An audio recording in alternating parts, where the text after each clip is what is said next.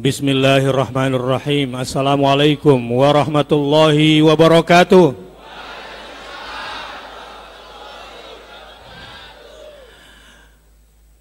Siap menjadi muslim yang membawa Islam berkemajuan.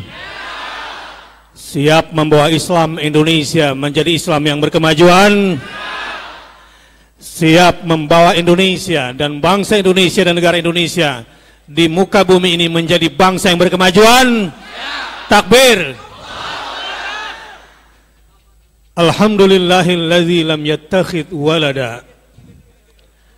Segala puja dan puji bagi Allah. Allah yang tidak mempunyai anak dan keturunan. Allah yang tidak mempunyai bapak dan tidak punya nasab. Alhamdulillah. Alhamdulillahilladzi lam yakun lahu syarikun fil mulk. Segala puja dan puji bagi Allah yang tidak punya sekutu dalam kepemilikan dan kekuasaan. Yang tidak punya partner dan pendamping dalam kepemilikan jagat raya dan penguasaan jagat raya. Alhamdulillah. Alhamdulillahilladzi lam yakul lahu waliyun minadzul. Segala puja dan puji bagi Allah yang tidak punya penolong dari kalangan hamba dan makhluk. Karena Allah tidak hina. Sehingga Allah tidak membutuhkan penolong dari kalangan hamba dan makhluknya. Wakabbirhu takbira. Marilah bertakbir kepada Allah dengan takbir yang sesungguhnya. Allahu Akbar. Allahu Akbar. Allahu Akbar. Walillahil hamd. Ashhadu an la ilaha illallah wa ashhadu anna Muhammadar Rasulullah. Allahumma fasalli wa sallim wa barik ala nabiyyina wa habibina wa syafi'ina wa qaidina Muhammadin sallallahu alaihi wasallam wa ala alihi wa sahbihi wasallim yang kami cintai Mbah Kiai Badar selaku tokoh baik di Muhammadiyah maupun di FKUB dan juga di Forma Formeka. Kemudian beliau ketua PWM Muhammadiyah hadir. Alhamdulillah yang berbahagia dan dimuliakan Allah Subhanahu wa taala mudah-mudahan di bawah kepemimpinan beliau bukan cuma warga Muhammadiyah yang berkemajuan dalam kehidupannya, tetapi juga seluruh masyarakat, khususnya muslimin dan muslimat di sekitar PWM Muhammadiyah Sukoharjo. Dan tentu seluruh uh, pengurus di PWM Muhammadiyah, wabil khusus sahibul bait di pesantren yang kita cintai, Imam Suhodo, di pesantren yang mudah-mudahan diberkahi oleh Allah Subhanahu wa taala. Di pesantren yang mudah-mudahan akan lahir pemimpin-pemimpin Islam dari sini. Di pesantren yang hari ini ditunjukkan keberkahannya oleh Allah Subhanahu wa taala. Hadirnya umat dan bersatunya umat dengan penuh kedamaian, dengan penuh semangat. Mudah-mudahan pesantren ini juga menjadi salah satu benteng Islam selain di Sukoharjo dan juga untuk Indonesia insya Allah. Para santri takbir. Pada kesempatan berbahagia ini, saya ingin menyampaikan beberapa hal sederhana tetapi penting sekali untuk umat Islam. Yang pertama tentu adalah kemajuan kita di bidang tauhid dan ibadah. Ini penting sekali. Karena kita sekarang berada di pesantren, saya ingin tekankan satu poin saja terkait tauhid dan ibadah. A'udzu billahi minasyaitonir rajim. Ittaqullah wa yu'allimukumullah. Bertakwalah kepada Allah, maka Allah akan ajarkan ilmunya kepada kamu. Jangan dibalik nunggu berilmu dulu baru bertakwa, ini salah. Karena banyak orang-orang yang berilmu tapi tidak bertakwa. Orang-orang seperti itu tidak akan pernah sampai kepada puncak ilmu yang namanya al-yaqin. Hakikat berilmu itu adalah al-yaqin. Keyakinan itu adalah puncak dari hakikat sebuah ilmu. Tapi buahnya ilmu, kalau memang ilmu itu sudah benar, buahnya adalah al-khasyah. Innama yakhshallaha min ibadihil ulama. Sesungguhnya hanya orang-orang innama ini adatul hasr Orang-orang yang berilmu dan ilmunya sungguh-sungguh benar, karena dasarnya adalah takwa dan puncaknya adalah keyakinan, pasti ujungnya adalah rasa takut kepada Allah Subhanahu wa taala dengan ilmunya. Dengan kesadaran ilmu yang seperti ini, yang dasarnya takwa dan hakikatnya keyakinan serta buahnya adalah khasyah, insya Allah Islam yang berkemajuan akan lahir di bumi Indonesia. Takbir. Tapi kalau dasarnya bukan takwa, tidak mungkin dapat ilmu yang sesungguhnya. Hanya kulit-kulitnya ilmu. Ada titelnya S1, S2, S3. Kalah sama Samsung sudah S8. Kalah sama iPhone sudah S S8 juga gitu. Ya. Kalau cuma S3 itu. Inilah yang sesungguhnya menurut saya kenapa Allah takdirkan pengajian pada hari ini di pesantren Imam Suhodo ini. Agar setiap muslimin dan muslimat, apa pun disiplin ilmunya, apa pun fakultas dan jurusannya, apa pun karir dan profesinya, ittaqullah Bertakwalah kamu kepada Allah wa yu'allimukumullah. Allah akan ajarkan ilmu yang sesungguhnya kepadamu. Bukan bukan guru yang mengajarkan ilmu pada awalnya. Bukan profesor dan kiai alih ilmu pada awalnya, bukan. Adalah orang-orang yang bertakwa.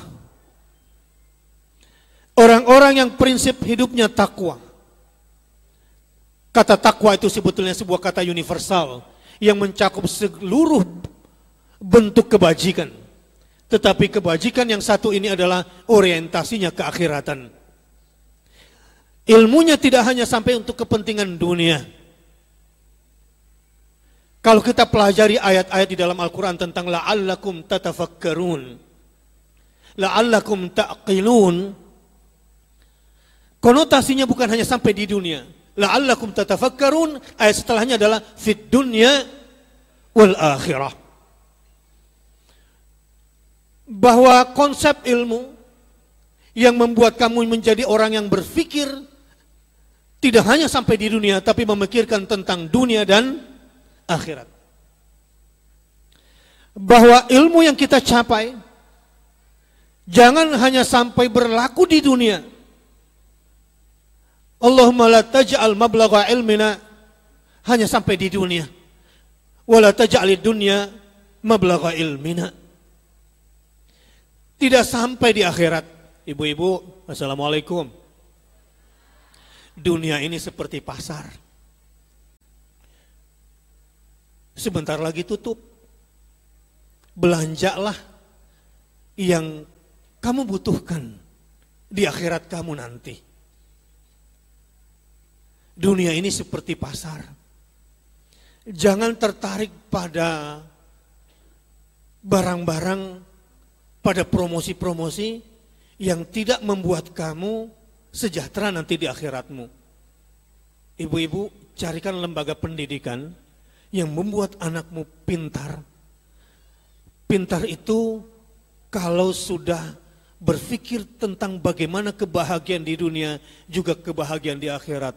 Dan insya Allah itu diajarkan di pesantren Imam Suhodo ini. Allahumma amin. Apa yang dimaksud dengan bertakwa, dengan berilmu, terkait dengan Islam berkemajuan? Hari ini saya pakai seragamnya kokam dan saya bangga bersama kokam. Catat itu kokam. Silakan foto dan bikin status. Bakhtiar Nasir bangga bersama takbir kokam. Tapi saya juga bangga dengan Banser dan GP Ansor. Karena mereka-mereka juga adalah salah satu pilar bangsa dan pemuda-pemuda yang akan membangun Indonesia ke depan dan mereka juga sudah terbukti telah menjadi stakeholder kemerdekaan Republik Indonesia. Jadi Kokam bergandengan tangan dan bersaudara bersama Banser dan GP Ansor. Siap? Jangan mau dipecah belah. Setuju? Pererat persaudaraan. Siap? Takbir. Kembali ke materi awal kita. Ini sekarang ini kesadaran umat Islam luar biasa. Giro Islamnya juga sudah mulai bangkit. Tapi kalau baca medsos, seakan-akan Indonesia besok mau kiamat gitu. Ya, udah bangun pagi, subuhnya terlambat. Kemudian bukannya langsung berwudhu malah ambil HP, masih matanya masih belum normal gitu. Ada nggak yang begitu? Innalillahi wa inna ilaihi rajiun. Harusnya bersama Quran seperti itu. Andai seluruh universitas hancur di Indonesia ini dan di muka bumi ini. Dan hanya satu madrasah yang tetap ada itu madrasah Quran. Andai seluruh perpustakaan di muka bumi ini ditelan bumi bangunan dan bukunya. Dan hanya tinggal satu kitab yang dibaca manusia. Insya Allah. Dunia tidak pernah menduga kalau jazirah yang sangat primitif itu yang laki-laki kemudian membunuh anak perempuannya dan mengubur hidup-hidup anak perempuannya ketika manusia sudah pada puncak ketidakmanusiawiannya ketika Allah berkehendak karena mendesak di muka bumi untuk diperbaiki karena manusia sudah pada puncak penyembahan kepada materi hanya ada satu kitab suci. Dan para sahabat tidak ke Persia sebagaimana Amerika sekarang. Tidak ke Romawi sebagaimana Eropa sekarang. Anak-anak para sahabat dididik dengan Al-Quran sejak awal. Karena itulah manual peradabannya. Itulah manual kebangkitan Islam. Dunia tidak pernah menduga bangkit peradaban baru di muka bumi. Hancur kekuatan Persia dan hancur pula kekuatan Romawi. Karena tidak dibangun oleh peradaban yang didasari dengan ilmu yang sesungguhnya. Dan kemudian dari jazirah Arab yang awalnya terkesan primitif, jauh dari kemanusiaan, bangkitlah sebuah peradaban baru, peradaban Islam. Inilah yang disebut dengan berkemajuan itu. Karenanya saya bangga di pesantren-pesantren Muhammadiyah sudah mulai aktif tahfidzul Quran. Alhamdulillah. Di lembaga-lembaga Quran Muhammadiyah juga sudah mulai dikembangkan. Ibu-ibu, bapak-bapak, siap urunan membesarkan pesantren-pesantren Quran? Bersama saya ada Kiai Haji Syihabuddin, Ustadz Syihab, juga sudah sejak awal konsen dengan Al-Qurannya. Pesantren-pesantren seperti ini, inilah yang sesungguhnya yang akan membangkitkan Islam berkemajuan dengan sesungguhnya. Takbir! Dari situ mulainya. Ittaqullah wa yu'allimukumullah. Cuma nih kalau dilihat dari medsos ini maunya perang aja. Ustadz, tunggu komando. Komando apa? Jihad. Lawan siapa? Perang. Siapa yang diperangi? Tidak tahu. Nah, gitu. Jadi bapak-bapak apalagi kalau saya udah pakai baret kokam seperti ini, baret merah gitu. Ini seakan-akan udah siap perang. Sekarang saya mau tanya dulu, orang di sini berkemajuan atau tidak? Siap bangkitkan peradaban Islam? Siap memenangkan pemimpin yang membela Islam? Takbir. Siapa yang maunya seperti dulu? Pokoknya bakar sana, bakar sini. Pokoknya jatuhkan dulu rezim. Pokoknya terserah nanti. Siapa yang ingin membangun Indonesia dengan cara seperti itu? Angkat tangan. Pokoknya meskipun nanti ekonomi kita ambruk sampai minus tujuh, kemudian dibakar sana, bakar sini, pokoknya jatuhkan dulu penguasanya. Siapa yang mau pakai pola ini angkat tangan? Kayaknya kalau di medsos mau begitu deh kebanyakan. Iya Pak ya. Apa malu-malu di sini? Sekarang saya datang ke sini ingin menyerap aspirasi Bapak Ibu sekalian. Saya tidak punya agenda kecuali agenda persatuan, agenda ukhuwah Islamiyah, agenda perdamaian, agenda membangun peradaban Islam yang berkemajuan ke depan. Saya mau tanya, itu agenda saya. Sekarang saya mau tanya, siapa yang siap membangun Indonesia dengan ilmu, dengan akhlak, dengan peradaban dari Indonesia yang sekarang sudah baik, akan lebih baik lagi ke depan? Angkat tangan. Takbir. Oh, rupanya pada cinta damai di sini. Terus itu di medsos maunya apa kemarin? Ah, itu Pak Anu Ustad, terprovokasi. Ittaqullah wa yu'allimukumullah. Tanpa disadari saudara-saudara, Anda yang buka WA, belum sholat malam, Anda yang buka WA, belum subuh berjamaah, Anda yang buka WA, belum tilawah Al-Quran, anda yang buka WA belum zikir pagi kemungkinan besar terkena sihir minimal terserang penyakit al-ain. Ini yang sedang banyak ini. Kedengkian, kebencian, amarah. Pak Kiai, ketika saya mempelajari surah Al-Jin, jin itu dulu sebelum Quran diturunkan punya namanya maqaid lis sama, listiraqis sama. Jin itu dulu punya tempat-tempat nongkrong di langit untuk mencuri-curi dengar informasi. Betul begitu ya? Mencuri-curi dengar informasi langit. Dan cara mereka mencuri-curi dengar itu mulai dari satu yang mendengarkan sampai 100 jin di bawahnya yang ujungnya nanti yang ke 100 itu yang menyampaikan ke telinganya dukun. Nah dari pendengar pertama sampai pendengar ke 100 setiap orang itu nanti menambah-nambah dan mengurang-urangi. Jadi kemungkinan distorsinya itu sampai 99 persen. Kecuali setelah Quran diturunkan maka mereka akan mendapatkan yang namanya syihaban rasoda. Mereka itu ketika Quran yang diturunkan melihat banyak sekali panah-panah yang terbuat dari api seperti meteor itu. Wa may yastami'il ana yajid lahu shihabar rasada. Ini sebelum Quran masuk.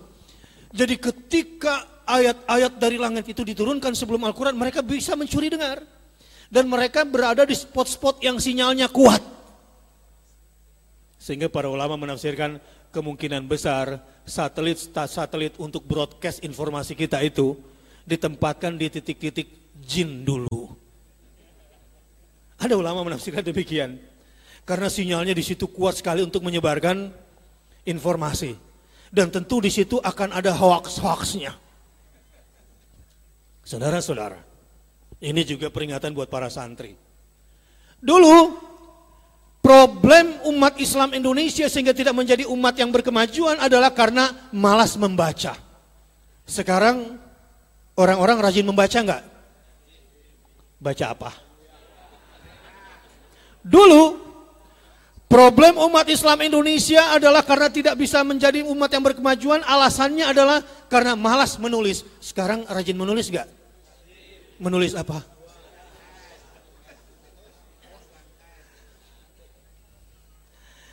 Sekarang ini anak-anak kita rajin membaca tetapi lemah daya bacanya. Rajin menulis tapi tidak terstruktur tulisannya. Nah, kalau ingin maju ke depan saya ingin beritahu, dunia sekarang sedang berubah. Pesantren saya mau tanya, jujur sekarang anak-anak masih rajin nggak masuk ke perpustakaan baca kitab-kitab? Tidak, udah nggak enak masuk perpustakaan. Apalagi baca kitab, sudah backgroundnya nggak jelas, kuning pula. Fontnya juga nggak bisa diperbesar gitu. Nggak touchscreen. Kemungkinan besar, pola pendidikan anak-anak kita ini bakal berubah Pak. Akan banyak perpustakaan-perpustakaan yang nggak laku lagi di dunia ini berubah. Mungkin perput yang sekarang punya anak cita-citanya seperti orang tuanya. Nah nanti kalau sudah besar kamu kuliah masuk jurusan perpustakaan. Enggak laku lagi pekerjaan itu ke depan. Ya. Hanya orang-orang miskin ke depan nantinya yang ke mana-mana bawa uang banyak. Karena sekarang sudah zamannya fintech. Financial technology. Uang itu sudah dicip bentuknya Harga teh manis berapa? 29 setengah rupiah. Kita tinggal taruh kartu, lalu dipoto pakai HP oleh si pedagangnya, tik, sudah pindah uangnya ke sana. Nggak perlu lagi ada transaksi. Kemungkinan akan banyak supermarket-supermarket, pasar-pasar yang tidak butuh kasir. Kehilangan pekerjaan semuanya ini. Kemungkinan akan banyak bank-bank yang tutup. Cabang-cabang bank yang tutup sebab sekarang orang sudah bisa buka account, buka akun bank dari luar negeri hanya dalam hitungan 5 atau di bawah 5 menit. Langsung yang namanya virtual account. Yang namanya kasir-kasir juga dibutuhkan lagi. Biasanya kalau kita ke bank harus tanda tangan berapa kali di tanda tangan itu. Ke depan dengan virtual account itu itu tidak akan kepakai lagi. Jadi akan banyak pegawai bank yang nganggur.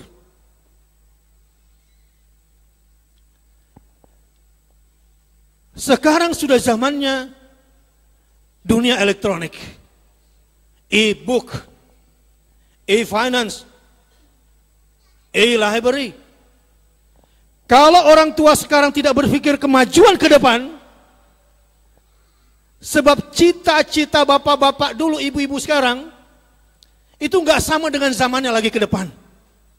Coba lihat, di Jakarta dulu ada perusahaan taksi yang terkenal, warnanya biru.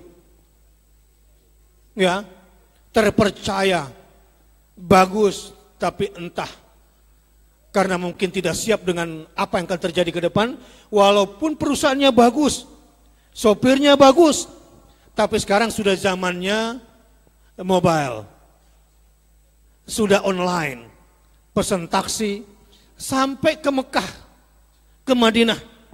Saya mendarat di airport Madinah, saya tinggal buka aplikasi, kemudian saya dapati taksi datang dengan biaya murah ke hotel-hotel ke Masjid Nabawi dan sekitarnya.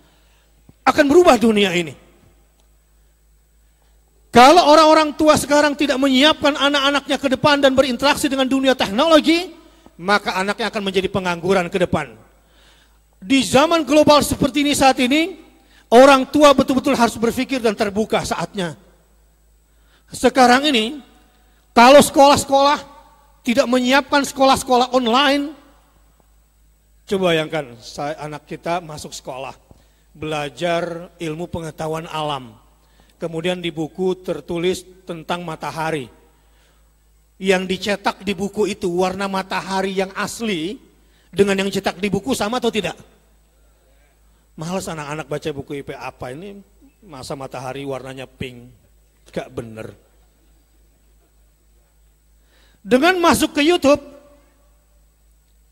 dengan masuk ke situs-situs National Geographic, Discovery,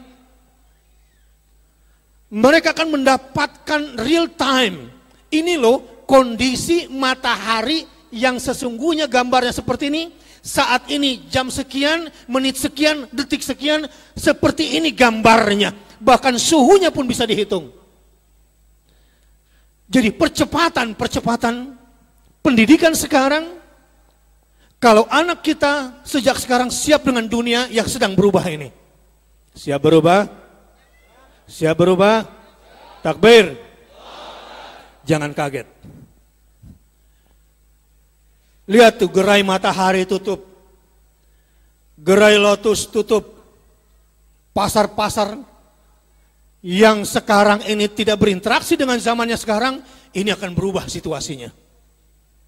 Tetapi jangan khawatir Apa pun perubahan yang sedang kita antisipasi, kita selamanya akan menjadi yang pemenang. Kita selamanya akan menjadi yang termaju kalau senantiasa kita berpegang kepada kitabullah wa sunnata rasulih. Takbir. Lan tadillu abada. Lan tadillu abada. Ma in tamassaktum bihima.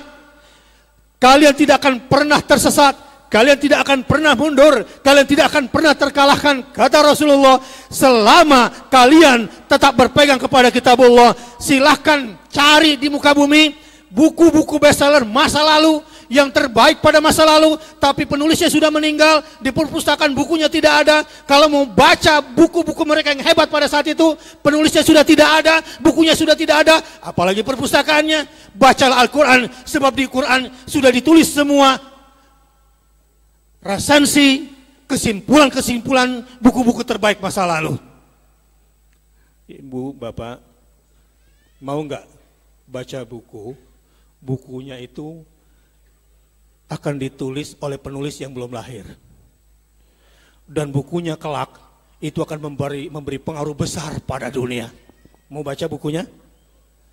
Tapi belum ditulis. Mau baca bukunya? Tapi penulisnya belum lahir. Bacalah Al-Quran. Ini kata Ibnu Mas'ud. radhiyallahu anhu. Karena di dalam Al-Quran sudah dimuat ilmu-ilmu masa depan yang hebat-hebat. Yang memberikan pengaruh besar.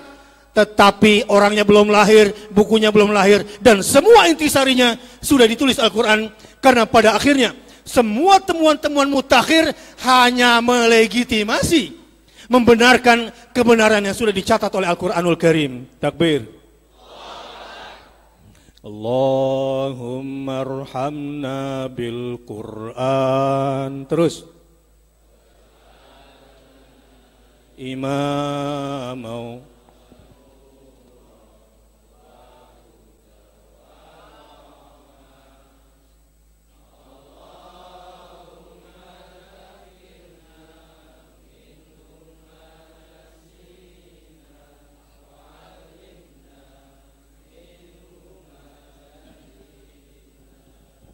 وارزقنا تلاوته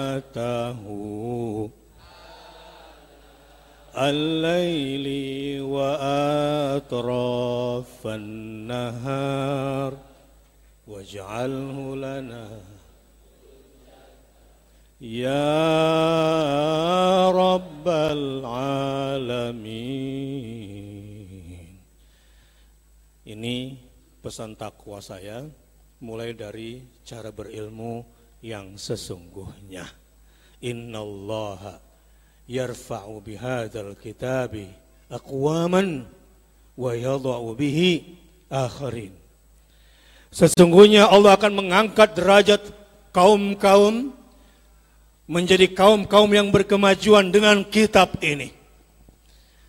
Dan Allah akan merendahkan, menjatuhkan peradaban kaum-kaum yang sudah merendahkan Al-Quran ini.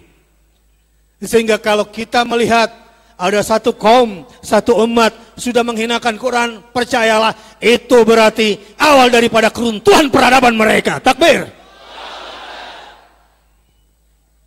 Jadi melihat indikasi zaman sebetulnya sederhana. Sekarang ini tidak lama lagi peradaban barat akan runtuh akan runtuh. Kita yang selama ini sangat mengagungkan Barat, anak-anak kita kapan dikatakan sekolahnya sudah tinggi? Kalau belajarnya ke mana? Amerika, Ame siapa lagi? Ameria, Amerini, Amerita, Ame siapa lagi begitu? Lihat, ketika kita tidak berpegang kepada Al-Quran, maka sebetulnya bukan kemajuan yang kita capai, kemunduran. Lihat sekarang, Barat, ini tidak lama lagi akan runtuh. Orang bilang, peneliti mengatakan, di dunia mengatakan sepakat, dari sisi keduniaan, bahwa abad ke-19 adalah abadnya Inggris. 1900 ke bawah itu abadnya Inggris. Katakanlah sejak perang dunia ke-1 menjadi perang dunia kedua, itu di bawah Inggris. Indonesia karena di bawah sekutu Inggris maka menjadi haknya Belanda menjajah Indonesia. Malaysia, Singapura, Filipina sampai ke Australia, ini jajahan siapa? Yang berhak menentukan pemimpin pada masa itu adalah Inggris. Timur Tengah juga ditentukan oleh Inggris. Abad 20, abadnya Amerika. Inggris tertinggal, Amerika yang maju. Sehingga Indonesia sudah lama dikangkangi oleh Amerika.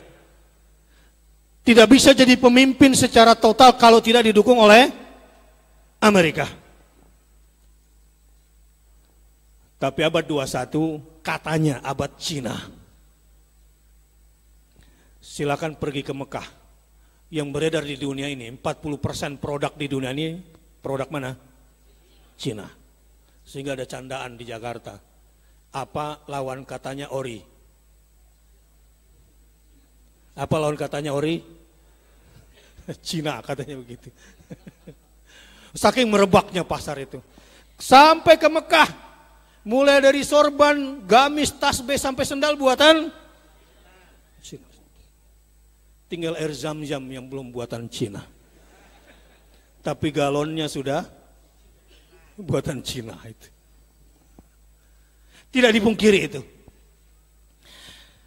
Sekarang ini abad keruntuhannya barat. Dan mulai rising, munculnya peradaban timur. Tapi saya beritahu, ini untuk Islam berkemajuan ke depan dan umat harus sadar ini.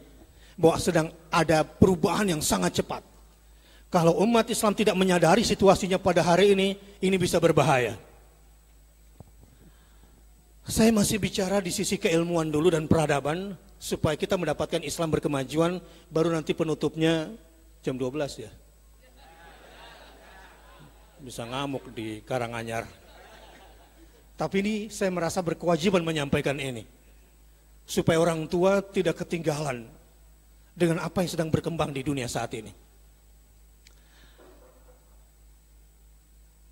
Barat dengan semua kemajuannya, ideologinya adalah materialisme, matre, materi. Dari ideologi materialisme lahirlah sistem yang namanya kapitalisme.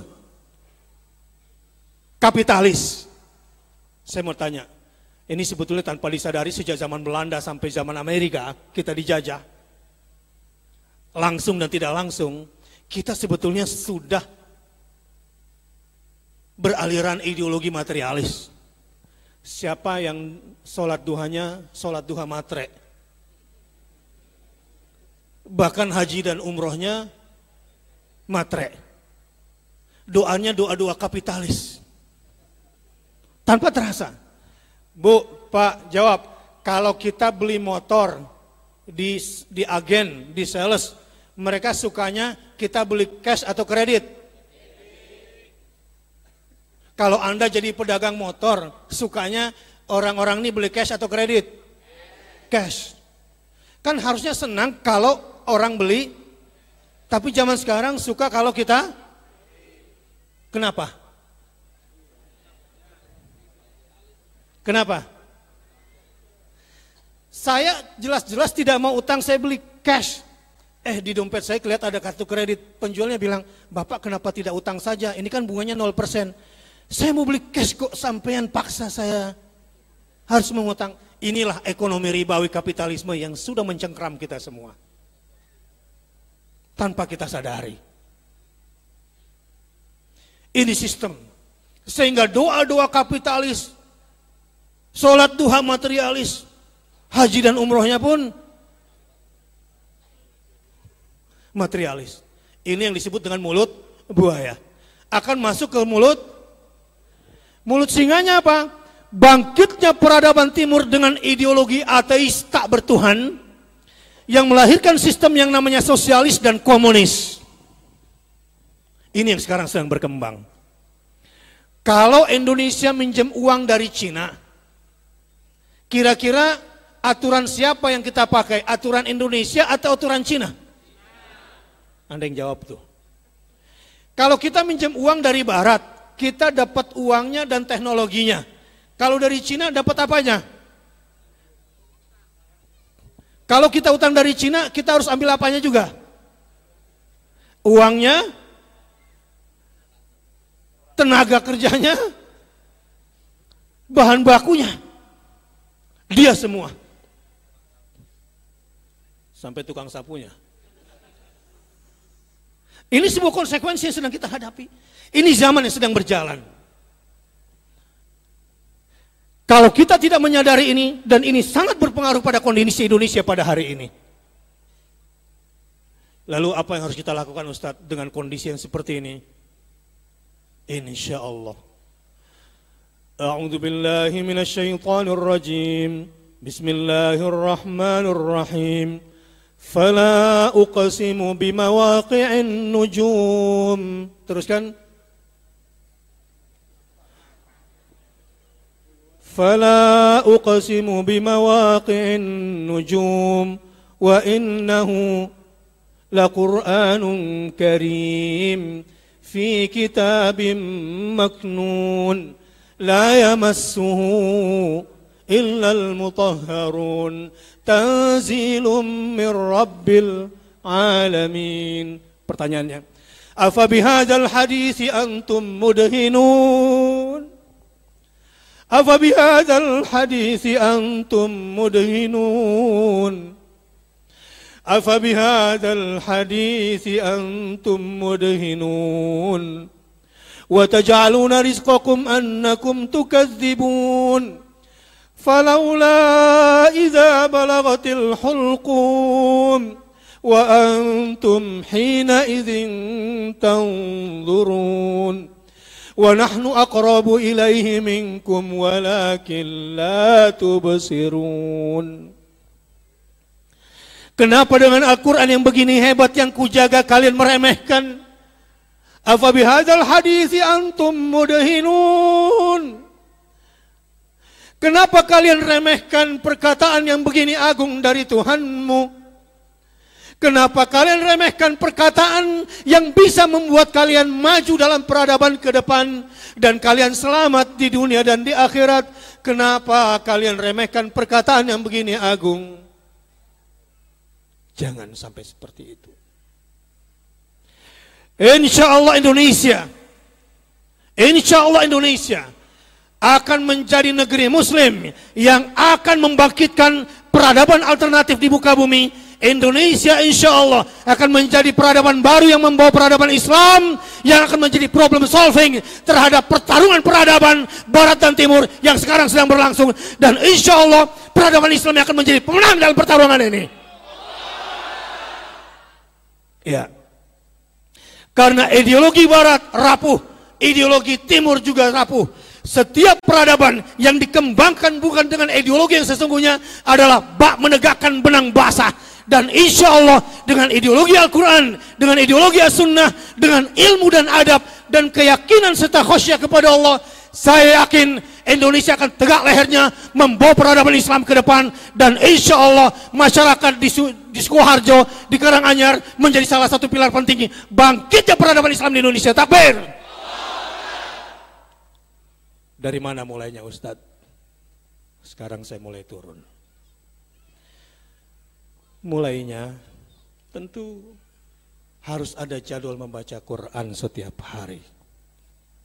Mulai hari ini, masjid-masjid, sekolah-sekolah, Jangan tinggalkan minimal tadabur satu ayat setiap hari. Jangan biarkan anakmu pergi sekolah belum mendengar satu ayat dari rumah. Belum mendengar satu ayat dari masjid saat sholat subuh. Melepas anak pergi sekolah, doakan dia tidak cukup dengan cium tangan dan kasih uang jajan.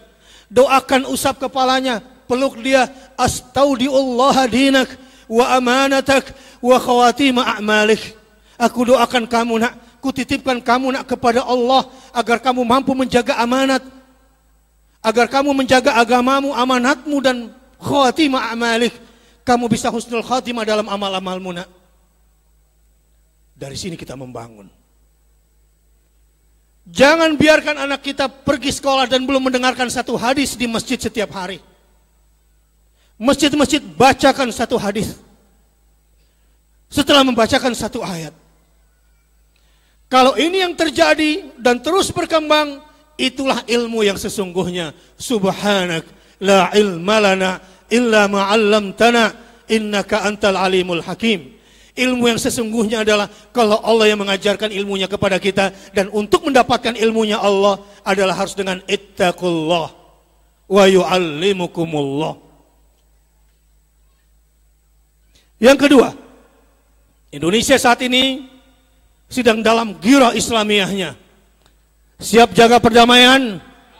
Siap jaga persatuan? Bangga sekali saya mendengar tadi di Karanganyar NU, MTA, dan Muhammadiyah semua sekarang bisa bersatu. Alhamdulillahirabbil alamin. Ya, walaupun masih ada juga yang marah-marah terus gitu ya. Waduh, ini hati-hati dengan framing-framing media. Ada menginginkan Indonesia ini pecah belah. Ikhtilaf itu boleh, ikhtilaf itu tidak apa-apa. Yang haram itu terpecah belah. Tidak boleh. Berpecah belah itu hukumnya haram. Ikhtilaf boleh atau tidak? Berpecah belah apa hukumnya? Saya ulangi sekali lagi. Ikhtilaf boleh atau tidak? Pecah belah apa hukumnya? Sudah tahu apa hukumnya pecah belah? Haram. Di sini. Indonesia harus senantiasa menjaga persatuan ukhuwah Islamnya dan perdamaiannya dan menjaga keamanannya. Siapa yang ingin Indonesia seperti Suriah? Perang sana kecamuk perang di sini. Mau? Siapa yang ingin Indonesia seperti Irak? Jihad sana, jihad sini, perang sana, perang sini. Mau? Siapa yang siap membangun Indonesia yang sudah baik sekarang menjadi lebih baik lagi ke depan? Angkat tangan. Takbir. Katakan kami siap bersaudara. Kami siap bersatu. Kami siap berdamai. Tapi kami juga siap memenangkan pertarungan secara konstitusional. Setuju? Takbir. Pilih pemimpin yang siap membela agama Allah. Insya Allah akan tegak agama Allah di muka bumi. Setuju? Nah karenanya ke depan menghadapi konflik internasional yang mungkin akan masuk ke Indonesia, kokohkan jati diri bangsa Indonesia. Apa itu jati diri bangsa Indonesia? Kita sudah sepakat. Kita sudah sepakat bahwa Pancasila adalah apa bagi Indonesia? Apa Pancasila bagi Indonesia? Indonesia berdasarkan ketuhanan yang maha. Jadi Indonesia adalah negara yang berketuhanan. Tidak hanya bertuhan. Iblis bertuhan atau tidak? Tapi berketuhanan atau tidak? Apa bedanya bertuhan dengan berketuhanan? Wala in sa'altahum man khalaqas samawati wal ard la yaqulunna Allah. Kalau kamu tanya sama orang kafir, kalau kamu tanya sama iblis, siapakah yang menciptakan langit dan bumi? Allah. Jadi iblis bertuhan atau tidak? Orang kafir bertuhan atau tidak? Tapi di mana masalahnya? Tidak taat pada perintah tidak menjauhi larangan, ini masalahnya. Nah sekarang Indonesia sudah terlanjur mengesahkan aliran kepercayaan. Ini juga menjadi tantangan baru. Tetapi mari kita selesaikan secara baik, secara damai. Jangan gampang diprovokasi. Walau ini adalah sebuah keteledoran dan ini ketidakbenaran, tapi kita harus selesaikan dengan cara-cara dakwah. Dakwah-dakwah yang persuasif lewat silaturahim dengan dakwah-dakwah dengan cara yang damai dan bersatu. Tidak dengan cara-cara kekerasan dan kasar. Setuju? Baik. Ini penting bagi orang Solo terutama, Solo Raya dan sekitarnya. Sebab orangnya lembut-lembut. Iya. Begitu kan orang sini? hati-hati. Ada yang menginginkan agar kita ini terpecah belah. Ada yang mengatasnamakan Banser, ada yang mengatasnamakan Kokam, akan ada yang mengatasnamakan namakan NU, mengatasnamakan Muhammadiyah, padahal itu bukan yang sesungguhnya. Siap bersatu?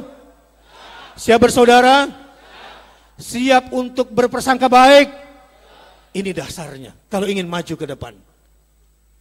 Jangan mau sembarang dibenturkan. Alhamdulillah, saya dengar Pak Kapolres di Solo, di Karanganyar, Alhamdulillah juga cinta agama dan taat beribadah. Takbir. Pak Dandim pun begitu. Allahu Akbar. Kalau Polri, TNI sudah saling berbaik sangka dengan umat Islam khususnya, tidak akan ada yang bisa mengganggu Indonesia dan Indonesia akan semakin hebat dan kuat ke depan. Takbir. Jadi kalau perang nanti mau lawan siapa? Nah, PKI. PKI-nya mana? Hati-hati, PKI sekarang seperti kentut. Tahu kentut? Dibilang tidak ada bau, dibilang ada, nggak kelihatan. Jadi perang lawan kentut bagaimana mulainya? Hah? Jangan khawatir, kentut tidak akan lebih tinggi dari hidung. Kentut tidak akan lebih tinggi dari hidung. Jadi paling tinggi hanya sampai udah tutup sedikit, selesai dia itu. Itu cuma bau-bau kecil yang sebentar lagi akan hilang. Walaupun kita tetap harus waspada karena kita kadang bikin muntah juga itu. Kalau terlalu bau. Tapi sebetulnya ini masalah yang tidak perlu dibesar-besarkan Ya, karena paling tinggi setinggi setinggi hidung. Tapi yang paling penting adalah menghadapi ancaman ideologi komunisme yang mau tidak mau sekarang masuk ke Indonesia. Karena memang Nasakom di zaman Soekarno dulu, saat itu Cina sedang tidak kuat, Rusia sedang tidak kuat. Karena kekuatan di masa Nasakom ada pada Inggris dan Amerika. Tapi sekarang kekuatan ideologi komunis ada sama mereka sekutu Cina dan Rusia dan semua negara-negara komunis. Kalau Anda perhatikan bagaimana bangganya Korea Utara menjatuhkan pesawat tempur Amerika dan diumumkan kepada seluruh rakyatnya, bukannya takut masyarakat Korea Utara kepada Amerika, bahkan berani mengancam kepada Amerika. Sebab sekarang ini era kebangkitannya komunisme. Tapi saya yakin, kalau umat Islam menjaga perdamaian, menjaga persatuan, insya Allah dunia sedang melirik Indonesia, Islam akan bangkit dari Indonesia. Siap menjaga perdamaian? Siap menjaga persatuan? Ada contoh kasus. Ini saya sampaikan di sini. Masyumiyun. Ini kan banyak kan masyumi ini, Madem. Ya masyumiyun. Ini kan banyak kan keturunan masyumi, betul? Menuduh NU berkhianat karena keluar dari Masyumi di masa Nasakom. Betul? Yang tahu sejarah nih. Sehingga sampai sekarang banyak gak orang-orang Masyumi yang marah sama NU? Sampai sekarang masih banyak. Karena dianggap berkhianat kepada Masyumi. Tapi NU punya versi. Menurut NU, Masyumi sudah bugot. Karena bergabung dengan pemberontak PRRI. Sehingga NU terpaksa berjuang sendirian di rezim Soekarno perang melawan komunisme. Masyumi berada di luar hanya bisa membantah, tapi kami NU perang sendirian melawan komunisme dari dalam. Ini masa lalu. Ini buat para orang tua dan para tokoh sejarah. Saya mau tanya, Ijtihad Masyumi itu adalah ijtihad orang lalu. Mudah-mudahan Allah terima ijtihad mereka dengan benar.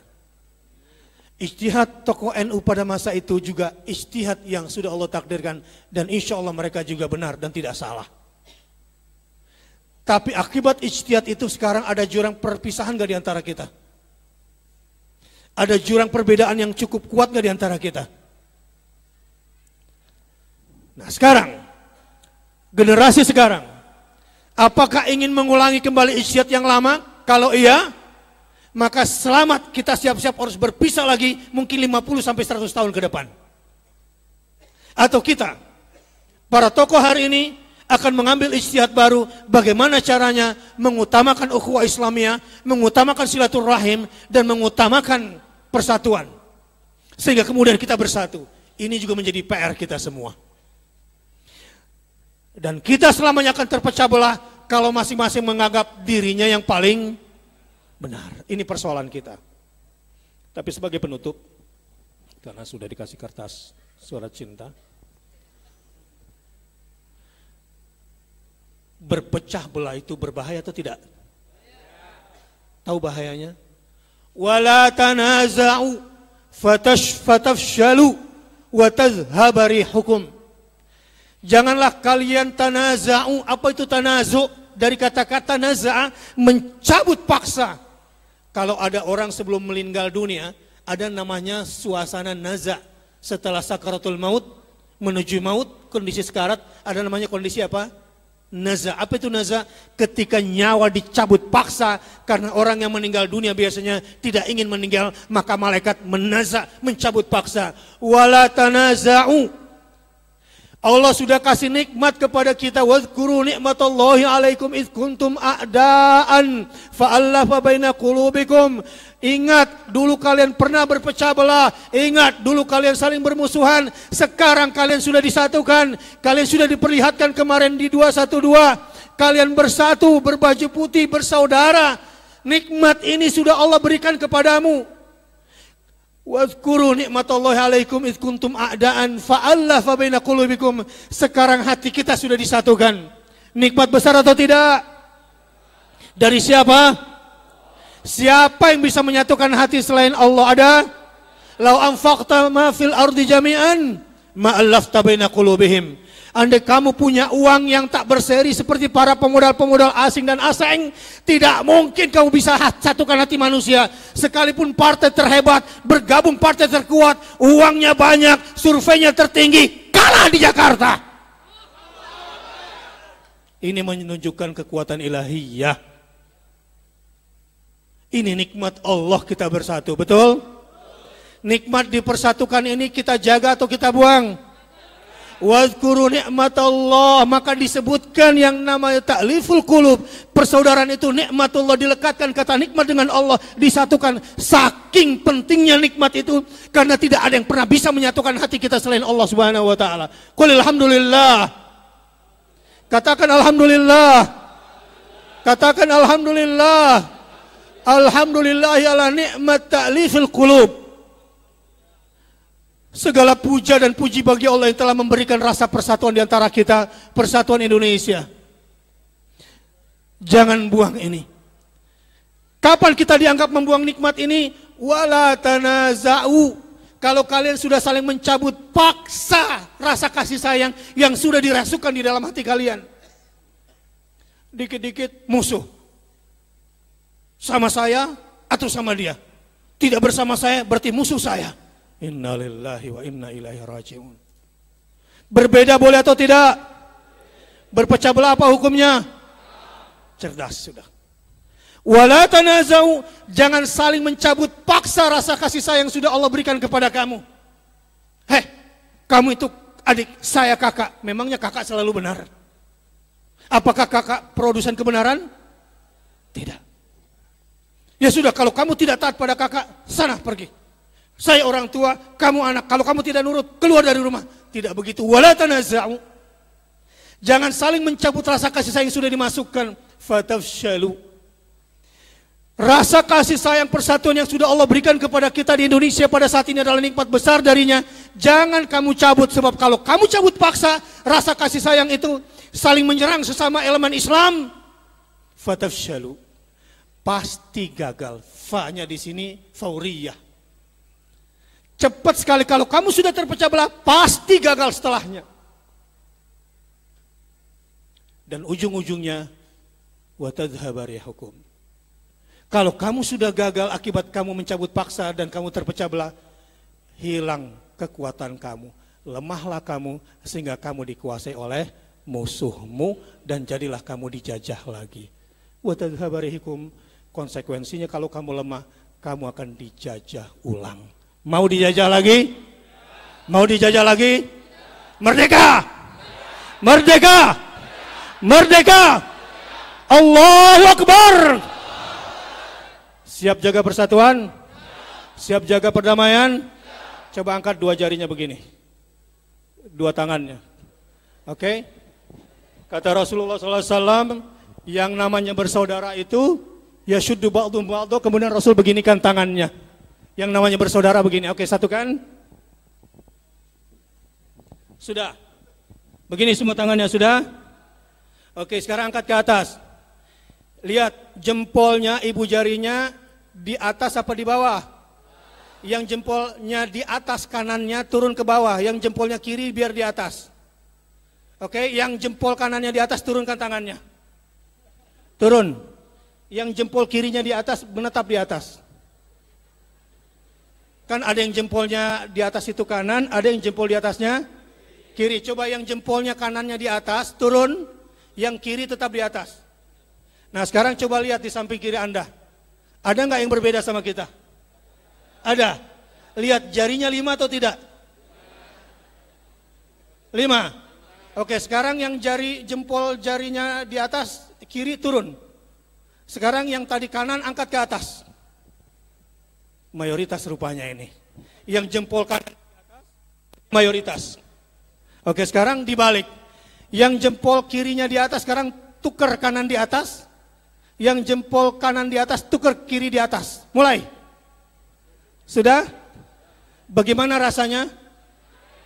Janggal? Enak atau tidak? Tapi masih lima nggak jarinya? Masih komplit? Ya sudahlah, memang begitu. Kadang-kadang untuk bersaudara dan saling mengerti ada sedikit hal-hal yang tidak cocok tetapi selama itu masih terjaga kesempurnaan kita, persatuan kita, maka bersabarlah dengan ini semua. Mudah-mudahan Allah satukan hati kita selalu dan tidak ada yang bisa menyatukan kita kecuali dengan Al-Quran dan As-Sunnah dan tidak ada yang bersatukan kita kecuali Al-Islam. Aku lu qouli hadza astaghfirullah. Doakan semoga pesantren yang Suhodo senantiasa dalam limpahan rahmat dan barokah dari Allah Subhanahu wa taala. Semoga para tokoh dan pimpinan umat di sini dipersatukan hatinya oleh Allah Subhanahu wa taala dan mudah-mudahan semua pesantren di Sukoharjo dan di Solo Raya senantiasa menjadi pilar bangkitnya peradaban Islam di Indonesia.